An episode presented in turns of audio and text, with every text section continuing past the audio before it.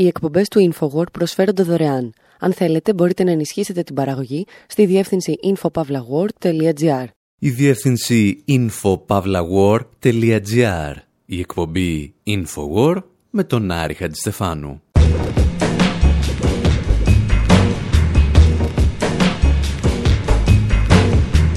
όπου σήμερα επιστρέφουμε σε μια χώρα που μας βοηθά να καταλάβουμε πότε ένα πραξικόπημα είναι πραξικόπημα για εμάς τους δυτικούς και πότε δεν είναι. Κάνουμε αερόμπικ έξω από την Εθνοσυνέλευση της Μιανμάρ χωρίς να βλέπουμε τα τανκς να περνούν πίσω μας, σαν τον Παπαδόπουλο, στο Λούφα και Παραλλαγή.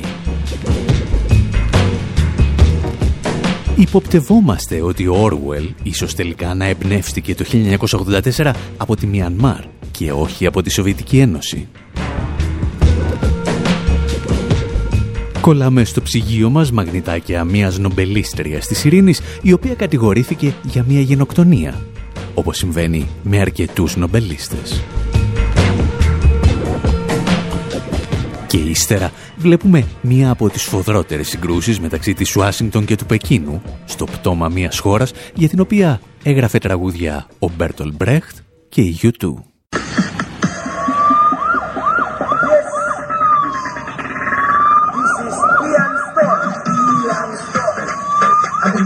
Sorry Bang Jago, Abang Jago, yeah boom boom boom boom boom. Abang Bang Jago, Abang Jago, sorry Bang Jago, ampun Bang Jago.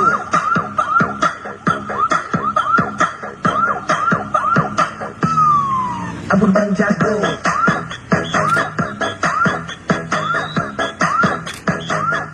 Εάν δεν σας λέει κάτι αυτή η μουσική, είναι γιατί δεν έχετε παρακολουθήσει το βίντεο από το πραξικόπημα στη Μιανμάρ, που έγινε viral τις τελευταίες ημέρες. Και θα πρέπει να το παρακολουθήσετε, γιατί ίσως να αποτελεί το πιο σουρεαλιστικό στιγμιότυπο στην παγκόσμια ιστορία των πραξικοπημάτων.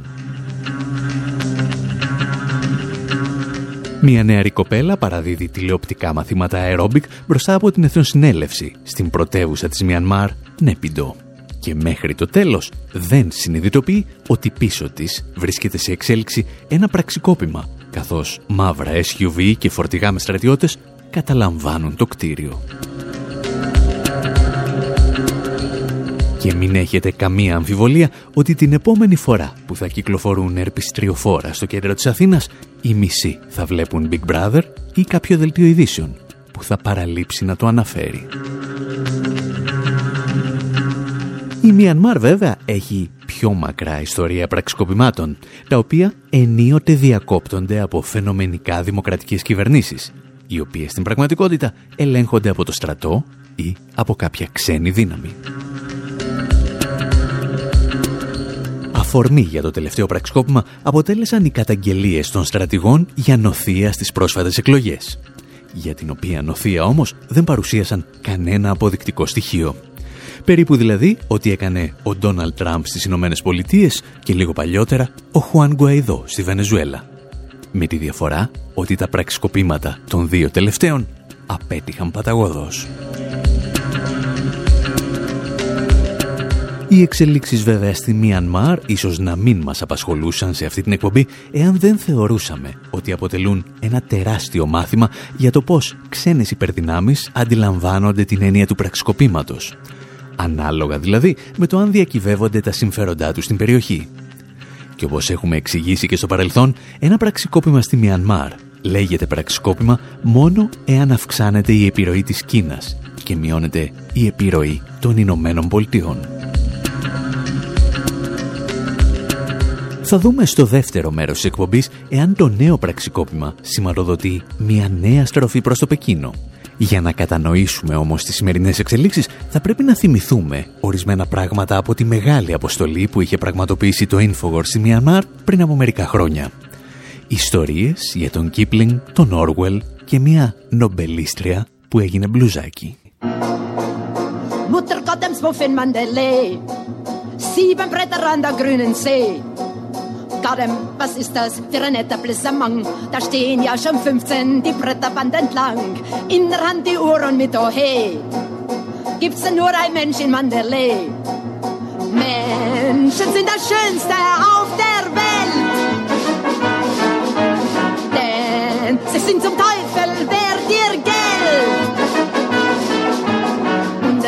Alles einfach in der Ordnung, wenn der Mensch da drinnen nicht so langsam wäre. Nehmt den Browning, schießt mal durch das Türchen, denn der Mensch da drinnen hindert den Verkehr.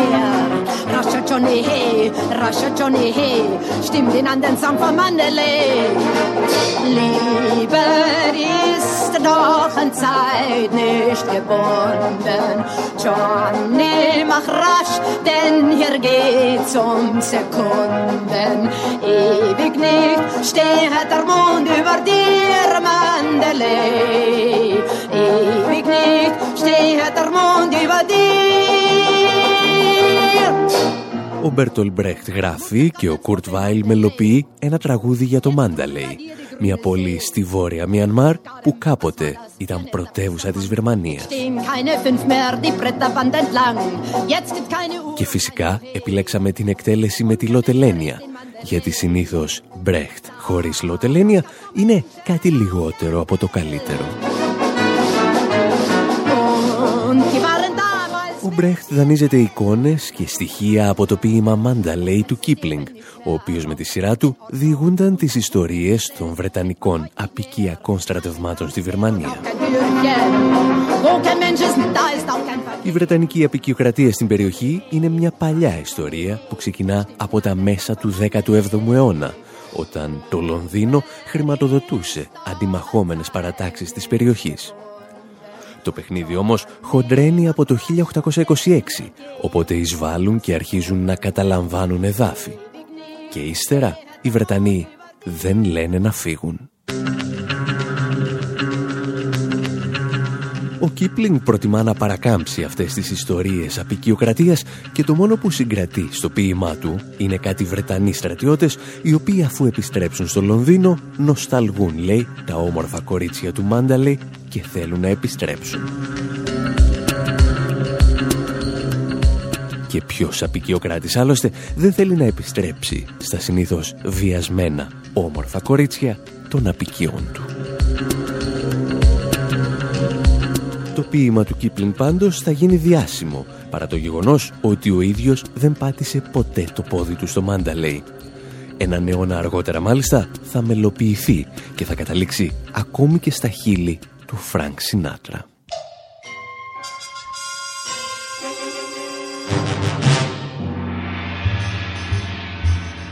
By the old Moulmein Pagoda Looking eastward to the sea. There's a Burma broad a setting And I know she thinks of me.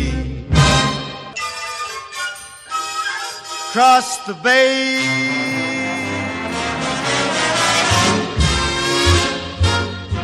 Ο Φρανκ Σινάτρα λοιπόν που από όσο γνωρίζουμε δεν πάτησε ποτέ το πόδι του στο Μάνταλεϊ τραγουδά το ομώνυμο ποίημα του Κίπλινγκ που επίσης δεν πέρασε ποτέ από την πόλη και ο οποίος ενέπνευσε και τον Μπέρτολ Μπρέχτ που έχουμε σοβαρές υποψίες ότι δεν πέρασε ποτέ από τη Βερμανία.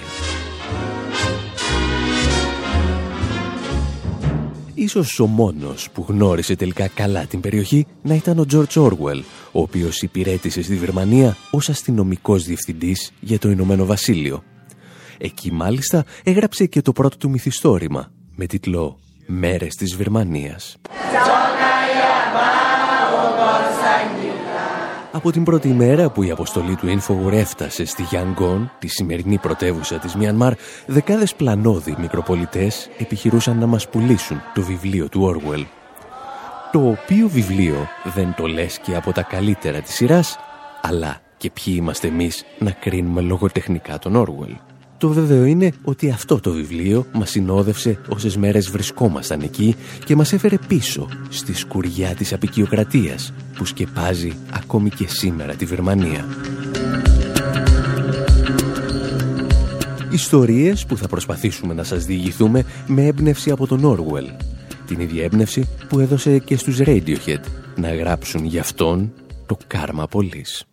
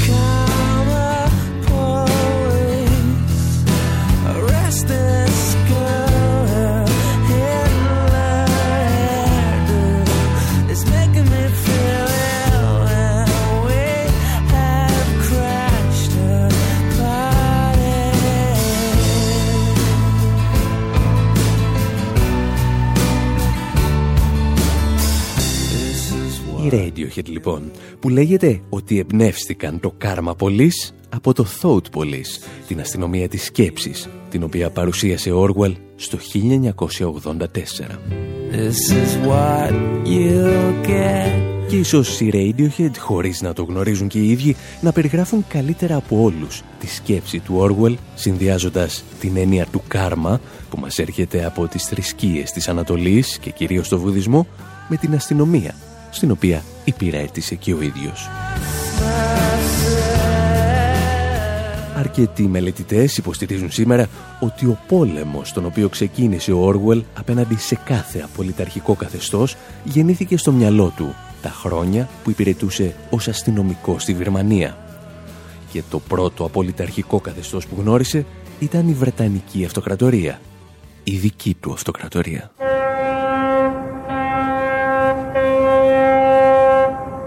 There was more myth creation over Orwell's initial choice of career. In 1922, at the age of 19, he set sail from Liverpool for Rangoon.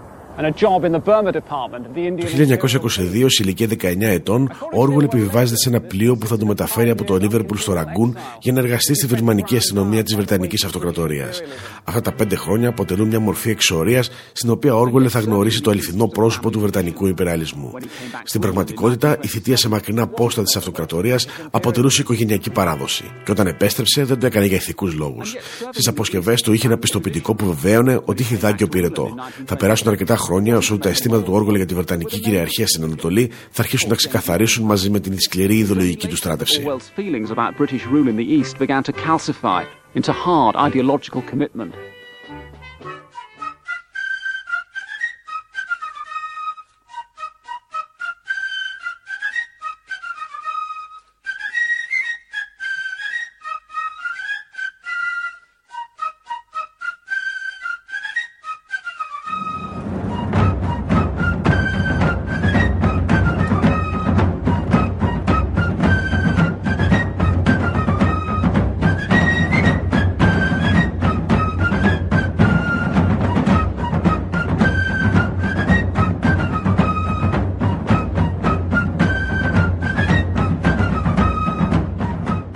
Όρουελ φτάνει στη Βερμανία σαν πιστός υπηρέτης του Βρετανικού στέματος και μόνο αφού επιστρέψει στη χώρα του θα συνειδητοποιήσει το έγκλημα το οποίο ο ίδιος και η χώρα του συντελούν σε μια αυτοκρατορία στην οποία ο ήλιος δεν έδιε ποτέ. I was in the Indian police five years and by the end of that time I hated the imperialism I was serving. Υπηρέτησα στην ελληνική αστυνομία για πέντε χρόνια.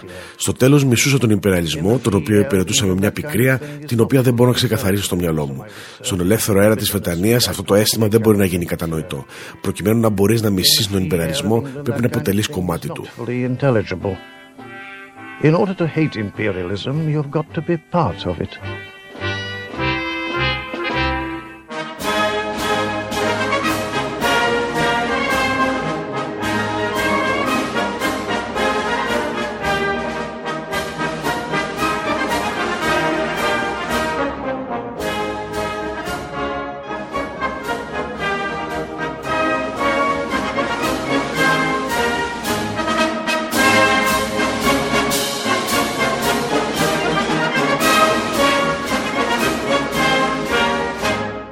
Στο βιβλίο του «Μέρες της Βυρμανίας» ο Όργουελ αρχίζει να μορφοποιεί το μίσος του για την απάνθρωπη συμπεριφορά των απικιοκρατών. Ποτέ όμως δεν χαρίζεται και στους Βυρμανούς. Γνωρίζει πολύ καλά ότι μια αυτοκρατορία, είτε είναι στρατιωτική, είτε πολιτική, είτε οικονομική, για να επιβάλλει την κυριαρχία της, χρειάζεται κάθε είδους δοσύλλογους και ντόπιους προδότες ανθρώπους που θα υπηρετήσουν τους κατακτητές με μεγαλύτερο σθένος και από τους ίδιους. Στις αφηγήσεις του Όργουελ, οι απικιοκράτες είναι πάντα κακοί. Οι τοπικοί συνεργάτες τους όμως είναι γλιώδη υποκείμενα. Είναι σχεδόν τόσο κακοί φτωχοδιάβολοι όσο και ο Τζόνι του Μπρέχτ που δούλευε και αυτός στα τρένα της Βυρμανίας. Ακούμε και τη δική του ιστορία και επιστρέφουμε. Surabaya John No one's meaner than you Surabaya Johnny My God and I still love you so Surabaya Johnny why am I feeling so blue? You have no heart, Johnny, and I still love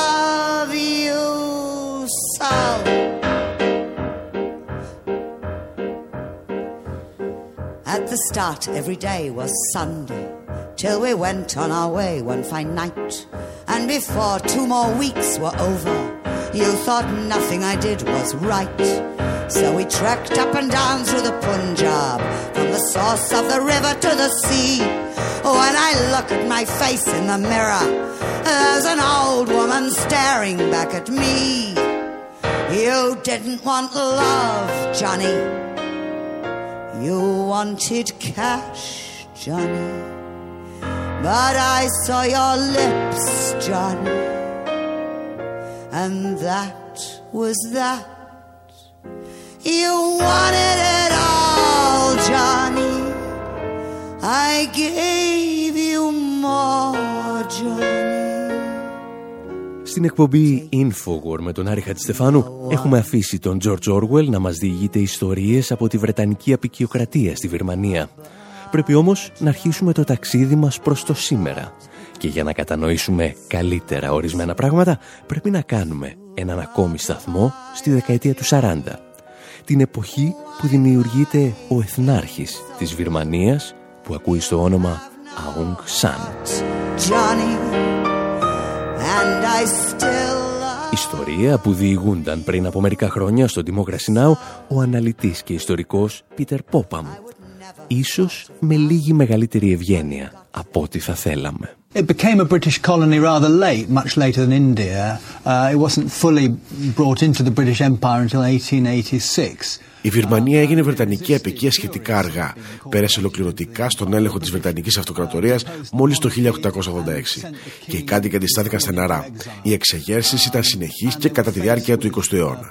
Στη δεκαετία του 40 ήρθαν στη χώρα οι Ιάπωνε και αφού συνεργάστηκαν με τον Αούν Σαν, κατάφεραν να απομακρύνουν τους Βρετανούς και να επιβάλλουν τη δική τους κυριαρχία. Αρχικά ο Αούν Σαν τους έβλεπε σαν απελευθερωτές. Όταν όμως συνειδητοποίησε ότι τα πράγματα ήταν διαφορετικά, συμμάχισε και πάλι με τους Βρετανούς και έδιωξε τους Ιάπωνες αυτόν τον έξυπνο χειρισμό έγινε ισχυρότερη πολιτική προσωπικότητα στη Βερμανία και διαπραγματεύτηκε την ανεξαρτησία της Βερμανίας.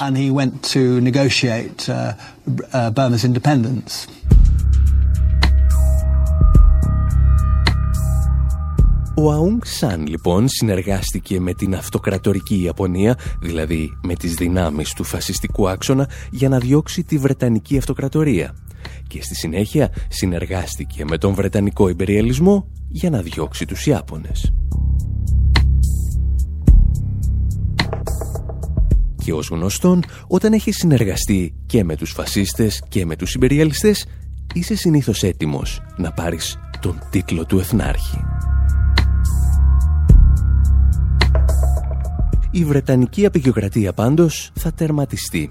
Όχι βέβαια χάρη στις μηχανογραφίες του Αung San, αλλά χάρη στην οικονομική χρεοκοπία που φέρνει στο Ηνωμένο Βασίλειο ο δεύτερος παγκόσμιος πόλεμος.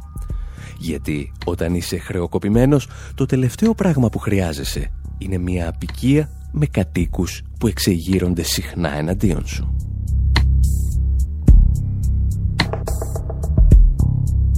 Λίγα χρόνια αργότερα, ο Αung Σαν πολυβολείται από πολιτικούς του αντιπάλους και αυτό που μένει στη χώρα είναι μισός αιώνας αιμοσταγούς δικτατορίας και απόλυτου παραλογισμού. Εσείς πάλι μένετε εδώ, γιατί ύστερα από ένα μικρό διάλειμμα συζητάμε για την κόρη του Αung Σαν, η οποία έγινε μπλουζάκι, κονκάρδα και ημερολόγιο και παρεπιπτόντος κέρδισε και ένα Νόμπελ Ειρήνης.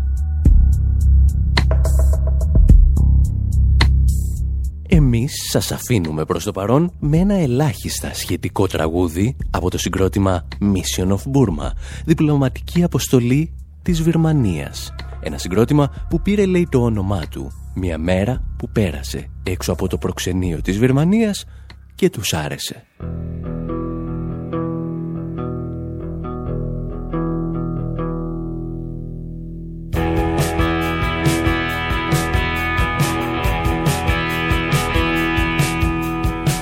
Once I had my heroes, once I had my dream, but all of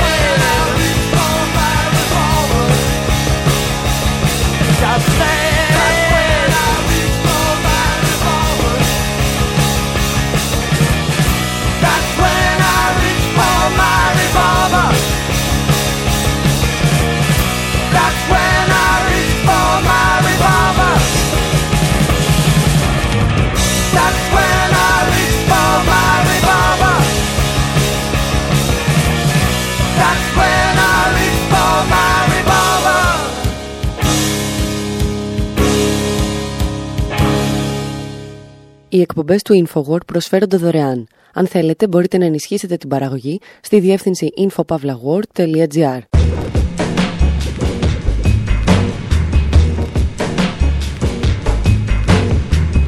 Εκπομπή InfoWord μέρος δεύτερο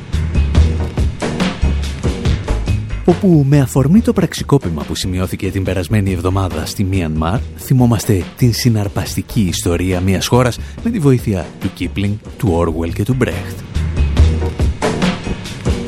Και έχει έρθει η στιγμή να πλησιάσουμε τον 21ο αιώνα. Θα δούμε πώς η Βερμανία κατάφερε να μετατραπεί σε μήλο της έρηδος ανάμεσα στην Ουάσιγκτον και το Πεκίνο και πώς από αυτή τη σχέση καταλαβαίνουμε εάν ένα πραξικόπημα πρέπει να λέγεται πραξικόπημα.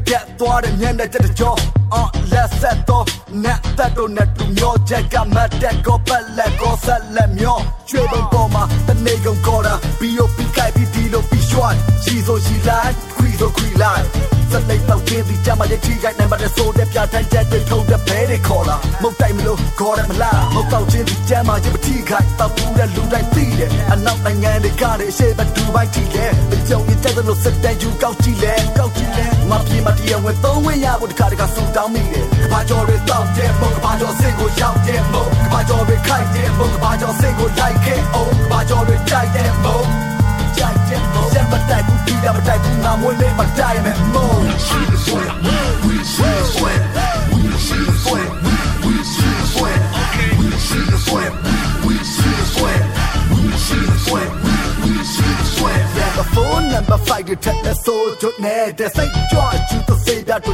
Ο Fly High μας παρουσιάζει μία από τις τελευταίες δημιουργίες της βιρμανικής hip-hop σκηνής.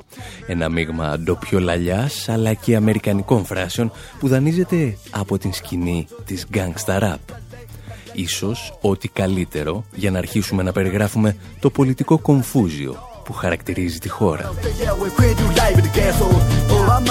Από το 2011, όταν οι στρατηγοί άνοιξαν τα σύνορα στον τουρισμό, η Μιανμάρ, όπως την αποκαλούν, μεταμορφώνεται μήνα με το μήνα, εάν όχι ημέρα με την ημέρα.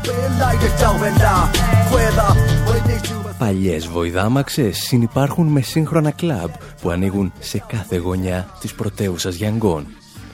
Και αυτή η μάχη των πολιτισμών κρύβει και τη μάχη των κοινωνικών τάξεων. Η παλιά στρατιωτική γραφειοκρατία μιας γεωργικής χώρας μάχεται τη νέα αστική τάξη, η οποία ελπίζει να ανδρωθεί με τα πλούσια κοιτάσματα φυσικού αερίου και άλλων πρώτων υλών που ανακαλύφθηκαν πρόσφατα. Για να καταλάβουμε όμως τι συμβαίνει σήμερα, θα πρέπει να επιστρέψουμε στο 2007 για να παρακολουθήσουμε τη λεγόμενη Saffron Revolution, που κάποιοι την είπαν βαθικίτρινη επανάσταση και κάποιοι, με λιγότερη επιτυχία, τη μετέφρασαν σαν επανάσταση του κρόκου.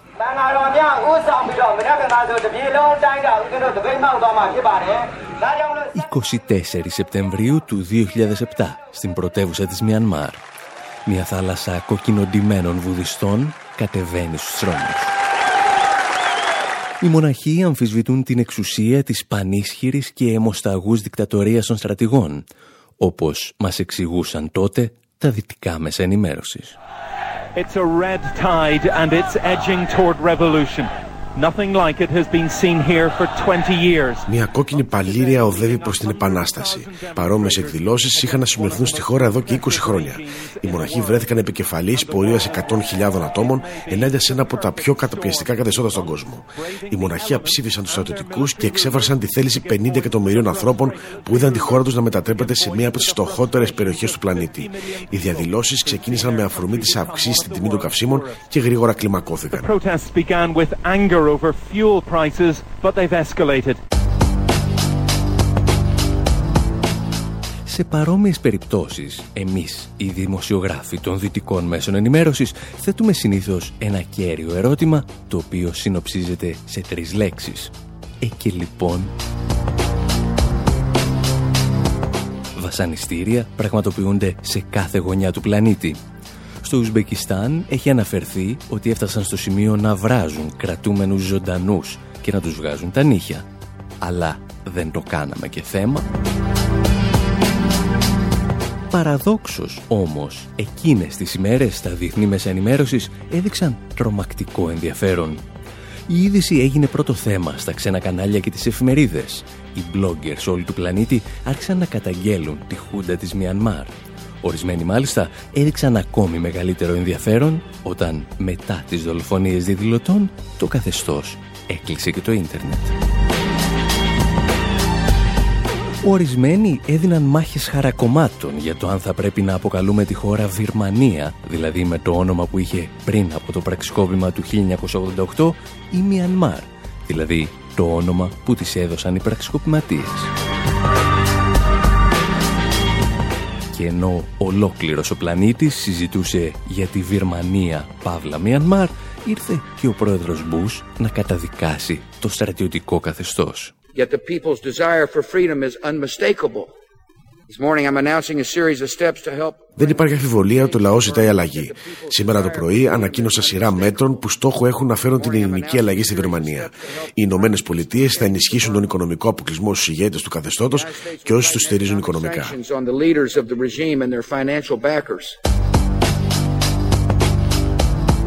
Πριν ακόμη τελειώσει την ομιλία του ο Μπούς, οι ναυαρχίδες του αμερικανικού τύπου, εφημερίδες όπως η Wall Street Journal και η New York Times άρχισαν να επιρρύπτουν την ευθύνη για ό,τι συμβαίνει στη Μιανμάρ στην Κίνα.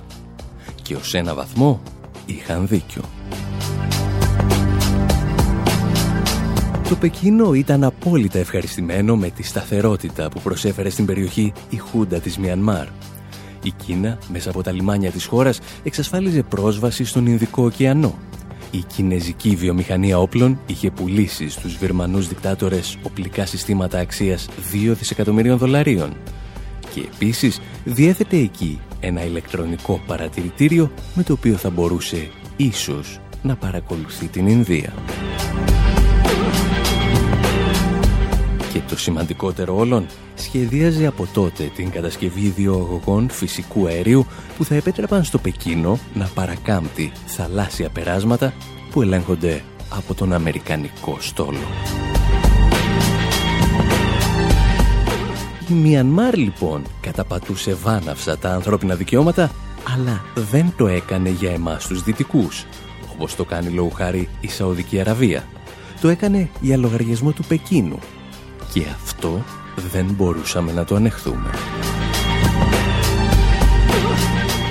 Αυτό που κανένας δεν ήθελε να θυμάται βέβαια στα χρονιά της ειρηνικής επανάστασης των βουδιστών μοναχών ήταν ότι παλαιότερα ήταν η Δύση και όχι η Κίνα η οποία στήριζε το καθεστώς των στρατηγών.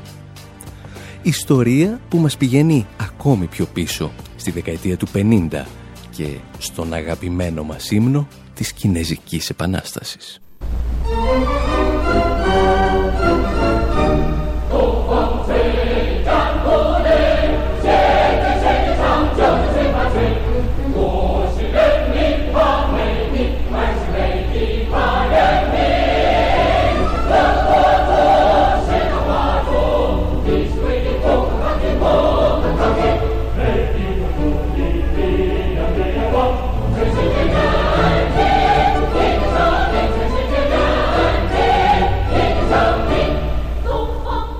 Άνεμος, λέει το τραγούδι, πνέει από την Ανατολή.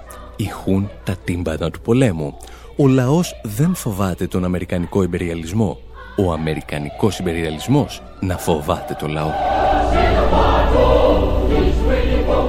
Εκείνη την περίοδο, ο ΜΑΟ πραγματοποιεί τις σημαντικότερες ιδεολογικές επιθέσεις εναντίον της Ιαπωνίας και των Ηνωμένων Πολιτειών. Και οι τελευταίες, όπως μας θύμιζε παλαιότερα και ο Νόαμ Τσόμσκι, κάνουν ό,τι μπορούν για να περιορίσουν την επιρροή του Πεκίνου. Ένα από τα μέσα που χρησιμοποιούν είναι να χρηματοδοτούν Κινέζους αντικαθεστωτικούς στη Βόρεια Βυρμανία. Είναι η αρχή ενός ψυχρού πολέμου της Κίνας και των Ηνωμένων Πολιτειών που πραγματοποιείται σε βάρος αυτής της φτωχής αλλά τεράστιας χώρας. Στα χρόνια που θα ακολουθήσουν, η ηγεσία της Βυρμανίας θα στραφεί τελικά προς ένα μείγμα βουδισμού και σοσιαλισμού. Πρόκειται και τότε για μια δικτατορία όπως και σήμερα. Μια δικτατορία που αγνοεί επιδεικτικά τη Δύση. Έως ότου, το 1988, έρχεται η ανατροπή. Νέοι δικτάτορες έρχονται στην εξουσία και στρέφονται ανοιχτά προς την οικονομία της αγοράς. Από το σοσιαλβουδισμό η χώρα περνάει στον αγνό παρθένο καπιταλισμό. Παρεπιπτόντος, το καθεστώς σκοτώνει τότε και 3.000 πολίτες που ζητούσαν ελευθερία και δικαιοσύνη. Αλλά αυτοί δεν απασχόλησαν ποτέ την Δύση. Η Βυρμανία ήταν πλέον σύμμαχός μας. Πολυεθνικές από την Ευρώπη και τις Ηνωμένες Πολιτείες αρχίζουν να δείχνουν ενδιαφέρον για αυτή τη ξεχασμένη χώρα. Πρώτη φτάνει η γνωστή μας Χαλιμπάρτον που κατασκευάζει έναν αγωγό φυσικού αερίου. Πρόεδρος της Χαλιμπάρτον ήταν τότε κάποιος κύριος Dick Cheney, μετέπειτα αντιπρόεδρος των Ηνωμένων Πολιτειών. Αμερικανικό δικαστήριο θα αποδείξει μερικά χρόνια αργότερα ότι η εταιρεία του Dick Cheney χρησιμοποιούσε βιρμανούς σκλάβους για να κατασκευάσει τον αγωγό και ύστερα ήρθε η γαλλική Total και κυρίως η αμερικανική Unocal. Το τι ακριβώς έκανε η τελευταία στη χώρα είχε εξηγήσει πριν από μερικά χρόνια η Catherine Redford από την οργάνωση Earth Rights. To people who were fleeing from Burma, fleeing from the ο λαός της Βυρμανίας προσπαθούσε να ξεφύγει από την καταπιεστική στρατιωτική δικτατορία, η οποία χρησιμοποιούσε εργάτες σαν σκλάβους και πραγματοποιούσε βασανιστήρια και βιασμούς.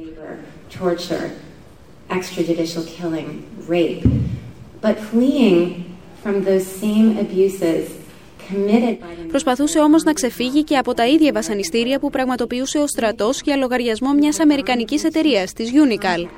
Ουσιαστικά η εταιρεία είχε προσλάβει το στρατιωτικό καθεστώς για να προστατεύει τον αγωγό φυσικού αερίου που διέθετε στη Βυρμανία.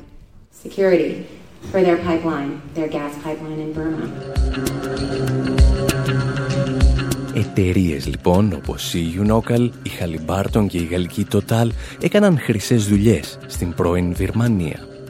Η δολοφονία 3.000 διαδηλωτών και η ακύρωση των εκλογών δεν μας ενοχλούσαν πλέον. Μάλιστα, προκειμένου να επιβραβεύσουμε τη Μιανμάρ για την είσοδό της στην οικονομία της αγοράς, τη βοηθήσαμε να εισέλθει και στον ΑΣΕΑΝ, κάτι σαν το ΝΑΤΟ της Νοτιοανατολικής Ασίας.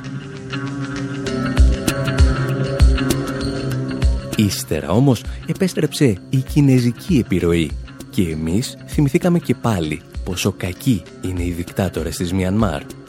Το θυμηθήκαμε όταν ξέσπασε η βαθικίτρινη επανάσταση των βουδιστών μοναχών. Είναι η εποχή που η Δύση αρχίζει να γνωρίζει και την Αούγκ Σαν Σουκί, την κόρη του εθνάρχη της Βυρμανίας. Για αυτήν όμως θα πούμε δυο κουβέντες εντός ολίγου. Mm.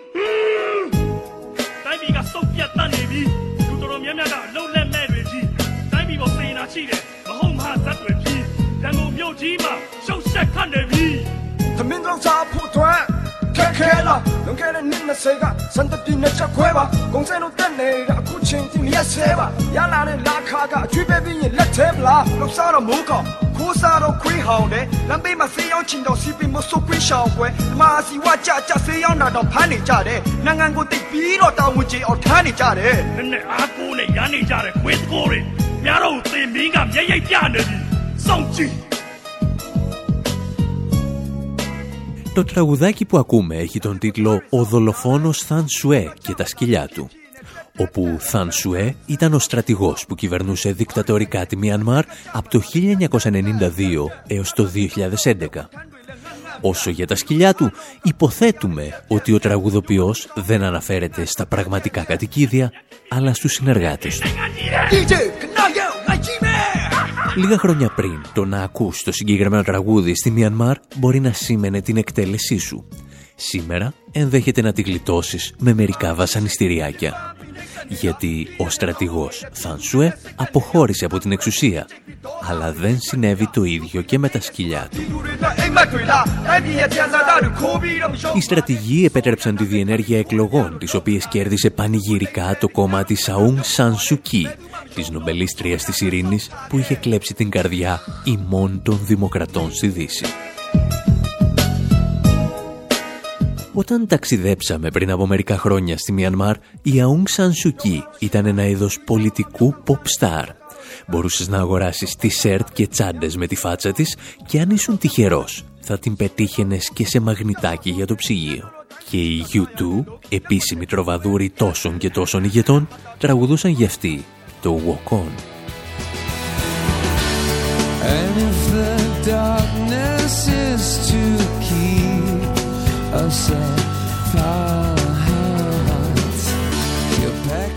Η ηρωίδα της δημοκρατίας στη Μιανμάρ έπεσε από το βάθρο της και πλάκωσε τις ψευδεστήσεις ορισμένων.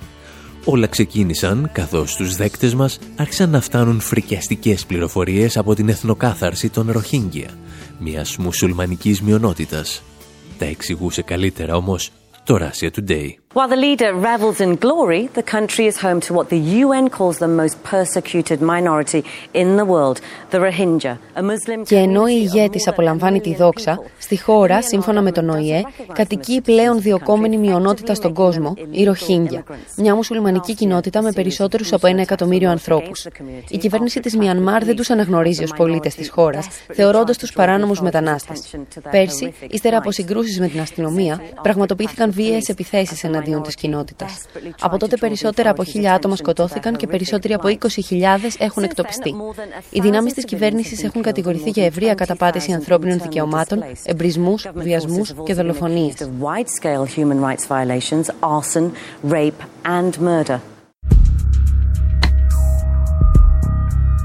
Οι πληροφορίες που φτάνουν από τη Μιανμάρ μιλούν για ομαδικούς βιασμούς και αποκεφαλισμούς ανθρώπων μπροστά στην οικογένειά τους. Και πώς αντέδρασε η Αούγκ Σαν Σουκί, μας έβγαλε και ψεύτες. Αυτή τη φορά ήταν το BBC που επιχείρησε να την αποκαθιλώσει. And the crisis is doing nothing for the international reputation of Aung San Suu Kyi either. Η κρίση δεν βοηθά τη διεθνή φήμη της Aung San Suu Kyi. Όταν ήταν στη φυλακή, είχε γίνει σύμβολο της δημοκρατίας για τη χώρα. Από το 2015 όμως έγινε ηγετικό τέλεχο της κυβέρνησης. Τώρα καταγγέλει τους δημοσιογράφους που καλύπτουν την κρίση των Ροχίνγκια και μιλά για fake news και ένα παγόβουνο παραπληροφόρησης. Φαίνεται ότι από τα χρόνια που σπούδαζε στη Βρετανία μέχρι τη σημερινή κρίση μεσολάβησαν πολλά.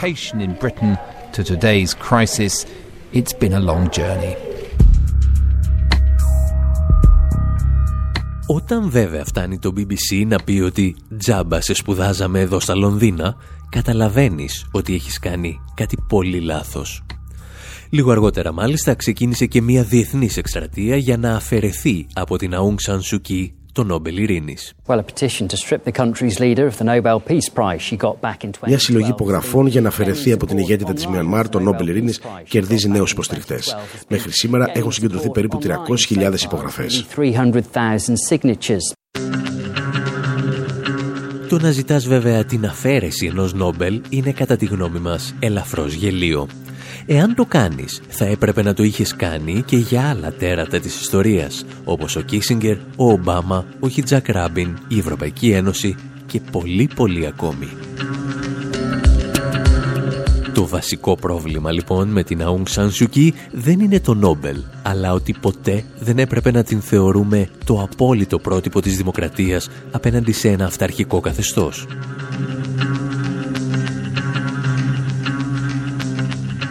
Η Αούγκ Σαν λοιπόν, παρά το γεγονός ότι δεν αμφισβήτησε ουσιαστικά την εξουσία των στρατηγών, απομακρύνθηκε από αυτούς. Και το ερώτημα είναι, τι σημαίνει η αλλαγή πλεύσης για τις σχέσεις με την Κίνα, από τις οποίες θα καθοριστεί και η απάντηση του Ουάσιγκτον στο πραξικόπημα. Η εικόνα στο έδαφος φαίνεται να είναι ακόμη ρευστή. Το Αμερικανικό πρακτορείο Associated Press υποστήριζε ότι το Πεκίνο επιχείρησε εδώ και ένα χρόνο μια μεγάλη επίθεση φιλίας προς την Μιανμάρ. Έγινε λοιπόν το πραξικόπημα για να σταματήσει ή για να επιταχυνθεί αυτή η προσέγγιση. Το γεγονός ότι η Ουάσιγκτον απείλησε ήδη με κυρώσεις, ενώ το Πεκίνο κράτησε πολύ χαμηλούς τόνους, ίσως δείχνει ότι η χώρα κοιτάζει προς Ανατολάς. Και εμείς οι Δυτικοί θα συνεχίσουμε λοιπόν να καταδικάζουμε το πραξικόπημα. Αν αλλάξει κατεύθυνση και η Χούντα κοιτάξει προς δυσμάς, θα το ξεχάσουμε.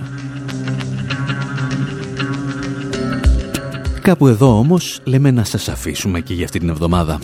Όπως πάντα μπορείτε να βρίσκετε όλες μας τις εκπομπές και καθημερινή ενημέρωση στη σελίδα μας infopavlawar.gr Μέχρι την επόμενη εβδομάδα, από τον Άρη Χαντιστεφάνου στο μικρόφωνο και τον Δημήτρη Σταθόπουλο στην τεχνική επιμέλεια, γεια σας και χαρά σας.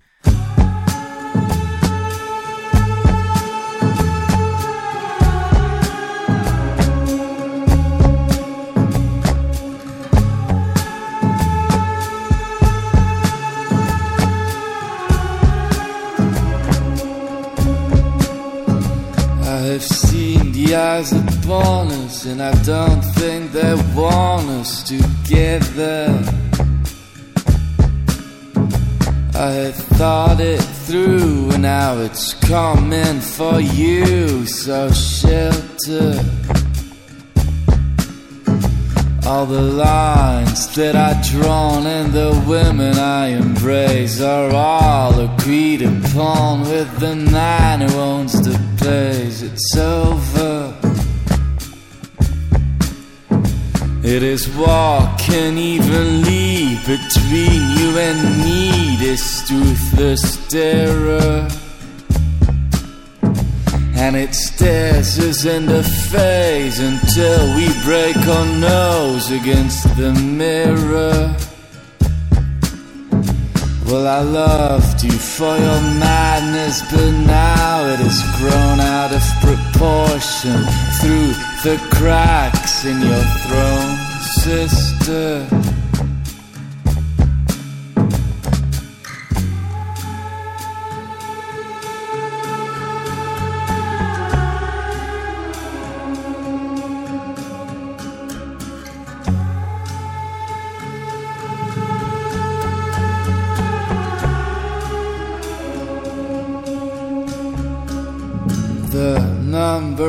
Eyes that are pointing at me are growing. And this fear takes the size my father before me was showing. We get tempted by the lies of the whores with their eyes of crystal in which I can read the number of faces and the joys of the pistol. My soul conceals a lot of corners, their secrets are yours, whereas I've never dared to descend through the doors leading to yours. All the lies that I've drawn and the women I embrace are all agreed upon with the man who owns the place. It's over, over.